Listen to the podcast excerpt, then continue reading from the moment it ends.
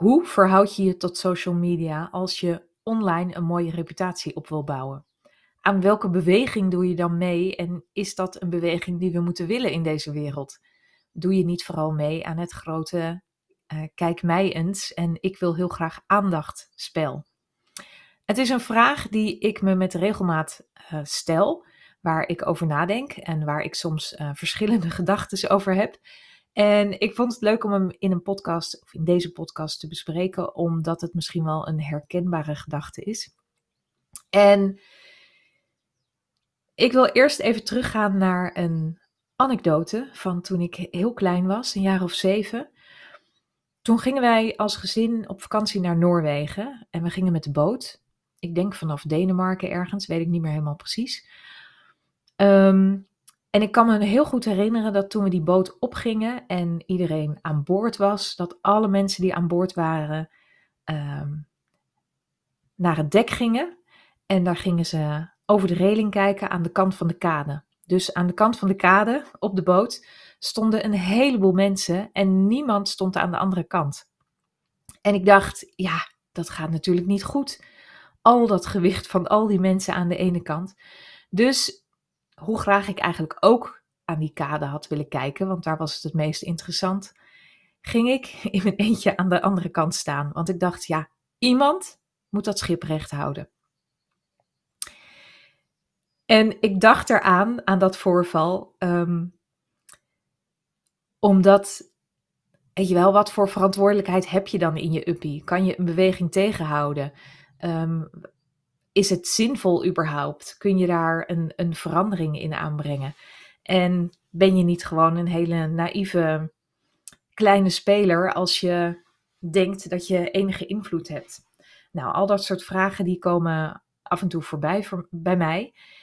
En ja, het is natuurlijk, het is zo'n tijd van verandering. Ik kan me herinneren toen mijn, nou dat is niet zo heel erg lang geleden, dus ook niet zo knap om, om je dat te herinneren, maar Toen mijn oudste kind ehm, jong was, zijn uh, lagere schooltijd had, speelden die mobiele telefoons nog helemaal niet zo'n grote rol. En nu mijn jongste kind, had ik het over mijn oudste kind? Ja, ik zei oudste. En uh, nu mijn jongste kind, die zit nu in groep 8, die gaat bijna naar de middelbare school. Maar in die korte tijd is het al heel erg veranderd, want voor hem speelt het een veel grotere rol. Hij heeft gewoon letterlijk minder speelgoed, omdat die telefoon belangrijker is. Nou, dat is misschien een hele andere andere discussie. Maar het is zo'n tijd van verandering en hoe verhoud je je daartoe? Um, ik, het helpt mij altijd om in voorbeelden te denken. Als ik weer in de gedachte zit van ja, dit gaat alleen maar om aandacht vragen voor je eigen stukje. En hè, op social media praten we allemaal door elkaar heen. Niemand luistert echt. En wat, wat doen we dan eigenlijk met onze tijd? Welke betekenis heeft dit? En maken we niet iets belangrijk wat helemaal niet belangrijk is? Nou, ik denk dat je daar heel veel over uh, kan discussiëren, dat er heel veel kanten aan zitten. Maar voor nu wil ik deze kant laten zien. Het helpt mij altijd om in voorbeelden te denken, om te kijken van wat, wat doen verschillende mensen en wat is nou een voorbeeld van het ene en wat is een voorbeeld van het andere. Dus aan de ene kant zijn er leiders die heel erg anoniem zijn. Um, Bijvoorbeeld van uh, grote bedrijven die snel en agressief een markt ontregelen en overnemen. Vaak zijn dat partijen waar we heel weinig van weten, waar de leiders um, vrij onzichtbaar zijn, um, weg van publiciteit, weg van, um, ja, van bekendheid, weg van zichtbaarheid. We weten het niet, we weten niet wie het zijn, we weten niet wat ze denken. en ze staan ook heel ver weg bijvoorbeeld van hun werknemers, die Um, hè, er zijn natuurlijk steeds meer hele domme, inhoudsloze banen, uh, waarvan de mensen heel veel minder verdienen en heel veel minder invloed hebben dan de top. En er zit een enorme kloof tussen. Ja, en je kunt je afvragen, wat is dat voor beweging? Willen we die kant op?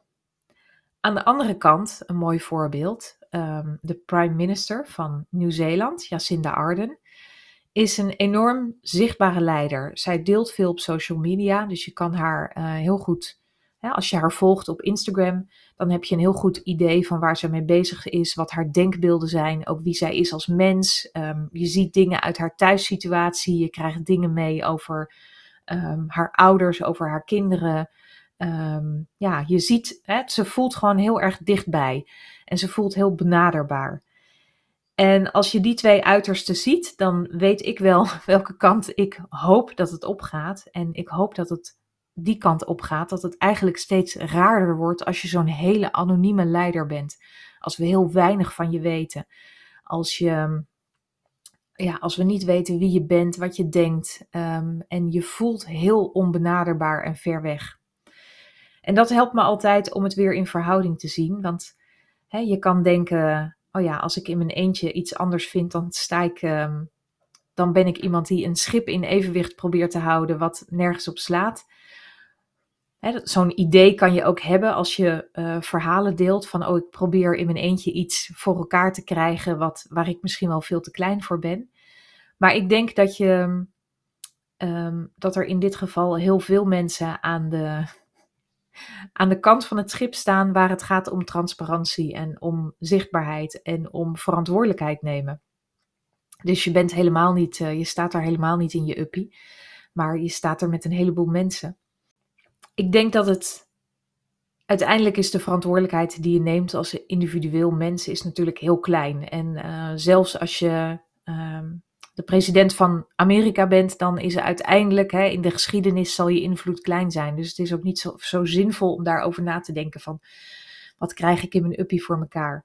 Maar ik denk wel dat we met, met elkaar um, is er natuurlijk wel een beweging die, um, ja, die je ondersteunt of die je, die je afkeurt. En alles is natuurlijk enorm in beweging. En je kan je afvragen, zijn we niet allemaal slachtoffer van algoritmes? En um, hebben we daar überhaupt invloed op?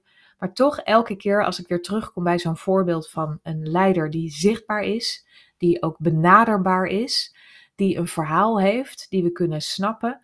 Um, iemand die niet de kloof groter maakt, maar de kloof tussen ja, wie wij zijn als mens kleiner maakt, die betekenis geeft aan wat we doen, dan voelt dat toch als de zinnige kant. En dan voelt het ook als zinnig, nou, met de klanten met wie ik werk bijvoorbeeld. Um, een leuk voorbeeld daarvan is mensen die in een hele traditionele branche werken, waar nog heel erg dat onzichtbare leiderschap ja, de normale cultuur is. Nou, ik ben daar aan het werk met een paar mensen die het dus heel anders aanpakken in die traditionele omgeving. Die wel heel zichtbaar zijn en die daar echt als pioniers, zeg maar, het op een andere manier aanpakken. Ik vind dat echt heel tof om te zien, om te denken. Ook al zijn het kleine verhalen, ook al zijn het kleine bewegingen, maar om toch daar Hè, ook dat transparante, benaderbare leiderschap neer te zetten, waarin, je, waar, ja, waarin het gaat over de inhoud, maar waarin je ook wat over je persoon laat zien, over hoe je in de wereld staat, wat je denkbeelden zijn. Dat zijn misschien op dit moment nog mensen die in hun uppie het schip recht houden, of de illusie daarvan, uh, zeg maar, hebben. Um, maar toch komen daar, ja, zet je iets nieuws neer en er gebeurt wat. Hoe klein je ook bent, het zet iets in beweging. En het zorgt ervoor dat dat hele anonieme eigenlijk steeds minder normaal wordt. Dat het steeds minder normaal wordt om je helemaal niet te laten zien. En zeker als leider heb je natuurlijk invloed. Um, ben je een boegbeeld en doet het ertoe op welke manier je dat invult? En of je daarbij kiest voor benaderbaarheid, zichtbaarheid, het delen van je ideeën, ideeën, het inspireren van andere mensen, het in beweging zetten van andere mensen. Of dat je vanuit een ivoren toren ja, aan het besturen bent zonder dat je hè, met het idee van het doet er niet zoveel toe wie ik ben en uh, het gaat meer om mijn functie en niet om mij als persoon. Ik denk dat dat, um, voor mij is dat, als ik, zeker als ik die twee uitersten zie, uh, dan is dat anonieme een, dat kunnen we denk ik heel goed missen. en ik was ook aan het kijken naar Queen Elizabeth die natuurlijk 70 jaar op de troon zit en die een enorm anonieme leider is eigenlijk. Hè? Je ziet alleen haar, uh, ja, je hebt, je hebt weinig idee van wie zij is en um, wat zij allemaal denkt. Nou, heeft zij een hele stabiele, goede reputatie, wordt vaak gezegd. En ik, ik zet daar een beetje een vraagteken bij, want ik snap het. Zij komt natuurlijk uit een heel ander tijdperk. Ze is 90. Het is helemaal. Uh, prima wat zij doet. En toch denk ik dat we meer gebaat zijn, dat deze tijd ook vraagt om leiders die veel meer laten zien. En als je bijvoorbeeld kijkt naar het Nederland, ik ben niet zo'n uh, koningshuis-aanhanger of zo, helemaal niet. Maar als je kijkt naar het Nederlandse koningshuis en uh, je ziet die, um, die meiden, uh, die jonge meiden, die dus ook allemaal op Instagram zitten, dan denk ik ja, ik denk dat dat leuk en goed is als wij straks een, duurt nog een hele tijd natuurlijk, maar een koningin hebben waarvan we meer weten. Hè, waarvan we ook bijvoorbeeld weten waarom zij afstand deed van die uh, toelagen die zij kreeg en wat haar idee daarbij is.